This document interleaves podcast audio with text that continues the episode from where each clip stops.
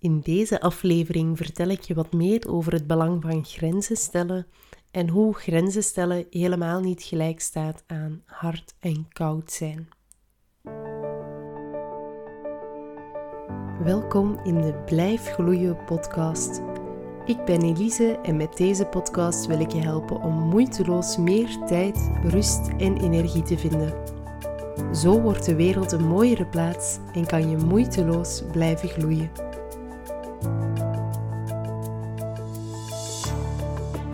Hey allemaal, uh, vandaag wil ik het hebben over ja, het stellen van, van grenzen.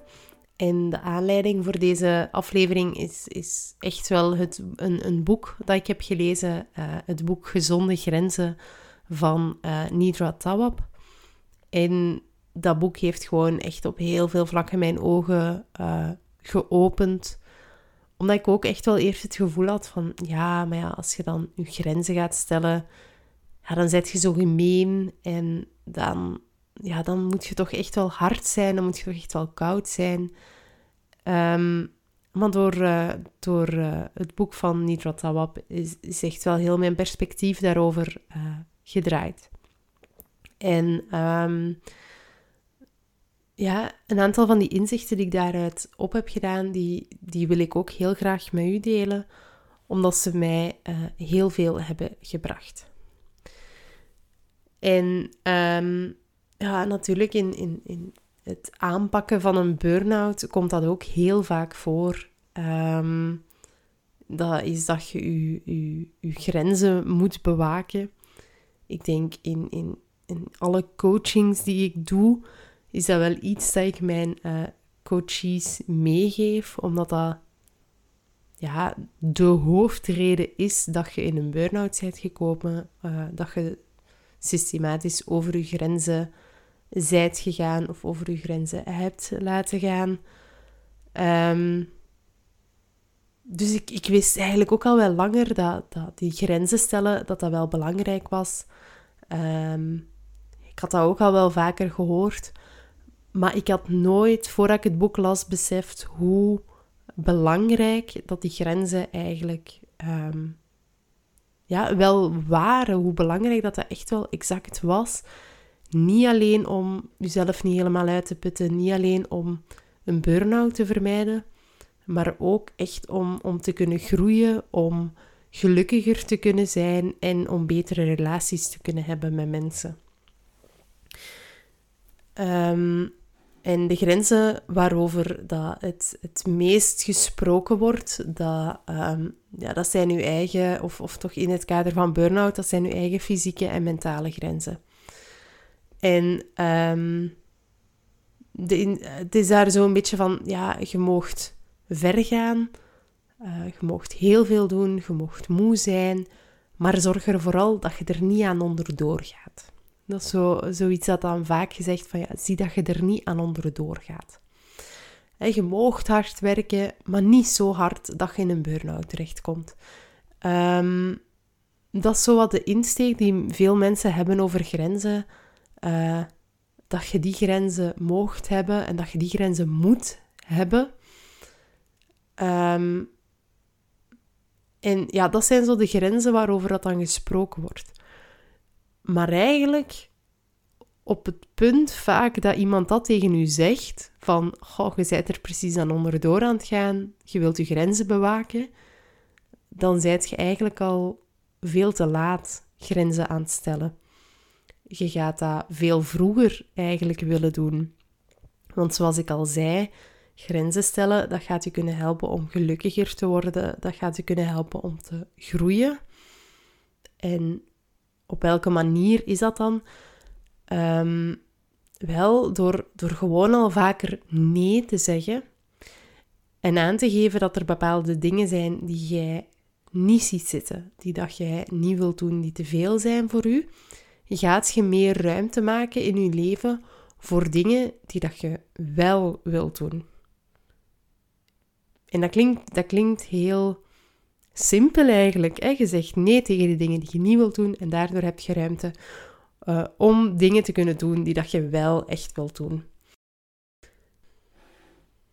En die vorm van grenzen stellen, ehm, die eigenlijk ruimte maakt voor dingen die dat je belangrijk zijt, dat gaat niet alleen om over grenzen die dat je stelt om niet meer werken aan te nemen, bijvoorbeeld. Dat gaat ook over grenzen stellen uh, voor jezelf. Bijvoorbeeld uh, op het gebied van social media gebruik of ervoor zorgen dat je op tijd gaat slapen. Um, dat gaat ook over grenzen aangeven over hoe dat je uh, behandeld wilt worden. Waardoor dat je bijvoorbeeld niet naar een familiefeest gaat waar dat iedereen je continu minderwaardig laat voelen. Waar dat je continu opmerkingen krijgt omdat je te dik bent. Uh, waar dat er continu gevraagd wordt, ja, heb je nu nog geen werk? Heb je nu nog geen lief? Uh, zou je niet beter dit? Zou je niet beter dat? Dat je daar gewoon niet naartoe gaat of niet zoveel tijd aan besteedt. En dat zijn vaak mogelijkheden die we niet zien, die ook te maken uh, hebben met stellen van grenzen. Hoezo kunnen we een onkel Jan aanspreken over zijn vervelende opmerkingen? Hoezo kunnen we ervoor kiezen om niet naar een familiefeest te gaan? We zijn niet gewoon dat zo'n dingen een optie zijn, vaak. Maar dat is het zeker uh, wel. En door op die manier grenzen te stellen, gaat je zelf ook gewoon meer ruimte in je leven kunnen maken voor, voor wat dat belangrijk is. En wat je dan wel vaak gaat merken is van, ja, maar, maar als ik zo'n grenzen ga stellen, dan, dan gaat niemand mij nog leuk vinden. Als ik dat soort grenzen moet stellen aan mijn vrienden, aan mijn familieleden, um, dan gaat niemand mij nog leuk vinden. En dat klopt. Grenzen stellen naar familie, uh, naar, grenzen stellen naar vrienden toe, dat is zeker niet altijd leuk. Uh, dat is zeker niet altijd gemakkelijk. En dat is ook gewoon iets wat we nooit hebben geleerd. Um, we hebben echt letterlijk vaak zelfs nooit ontdekt dat het een optie was. Maar stel u eens voor dat onkel Jan toch zou stoppen met zeuren over uw gewicht omdat je hem bijvoorbeeld gewoon al meermaals laat weten dat, dat, dat je dat niet oké vindt. En dat je, dat je in plaats van ja, altijd zorgen dat je helemaal aan de andere kant van tafel zit, dat je eens echt een gesprek met hem aangaat over iets anders. En dat je dan misschien wel ontdekt dat je, dat je wel gedeelde interesses hebt, dat er wel zaken zijn waar je over kunt praten op die manier gaat je met die grenzen er eigenlijk net voor zorgen dat je betere uh, relaties gaat hebben. Want als je een gebrek aan grenzen hebt in bepaalde relaties, dan gaat dat, ja, dan gaat dat ervoor zorgen dat je een bepaalde wrok gaat voelen. Als je uh, mensen vervelende dingen over je gewicht uh, laat zeggen, systematisch laat zeggen, dan gaat je wrok voelen, dan gaat je die andere mijden, dan gaat je die andere echt serieus ambetant vinden. Terwijl als je daar de grens aan stelt van één, daar wil ik het niet over hebben, daar wil ik niks over horen. Of twee, als je er toch over door eh, blijft gaan, dan verwijder ik mij van de situatie, dan kom ik hier niet meer. Dan gaan er misschien wel uh, dingen kunnen, kunnen veranderen. Dus grenzen stellen, dat geeft u de mogelijkheden om, om anderen weer leuk te vinden in plaats van alleen een vervelend gevoel hebben omdat, omdat er over je grenzen gegaan wordt. Maar dat impliceert ook wel vaak dat je eerst door uh, ja, die oncomfortabele horde moet gaan van het grenzen stellen. Um, ja, misschien ook aan mensen die dat je graag hebt of aan vrienden en familieleden, mensen bij wie dat je nooit gedacht hebt dat het een optie is om um, grenzen bij te stellen. En er zijn verschillende manieren waarop dat je um, het over grenzen uh, kunt hebben. In het uh, boek Gezonde Grenzen uh, van Nidrat Sawab heeft het ook over rigide tegenover poreuze grenzen. En dat eigenlijk beide een probleem kunnen zijn. En die rigide grenzen, dat zijn dan echt heel harde grenzen, dingen die, die ik vroeger in het algemeen vaak associeerde met grenzen stellen.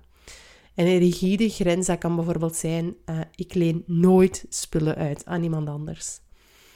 Daar zit eigenlijk een harde grens, een harde muur, die altijd voor iedereen in alle gevallen geldt.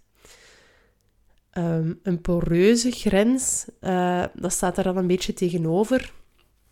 En die grenzen, of ja, het is eigenlijk een beetje een gebrek aan uh, grenzen, dat zie je heel vaak bij mensen met een burn-out.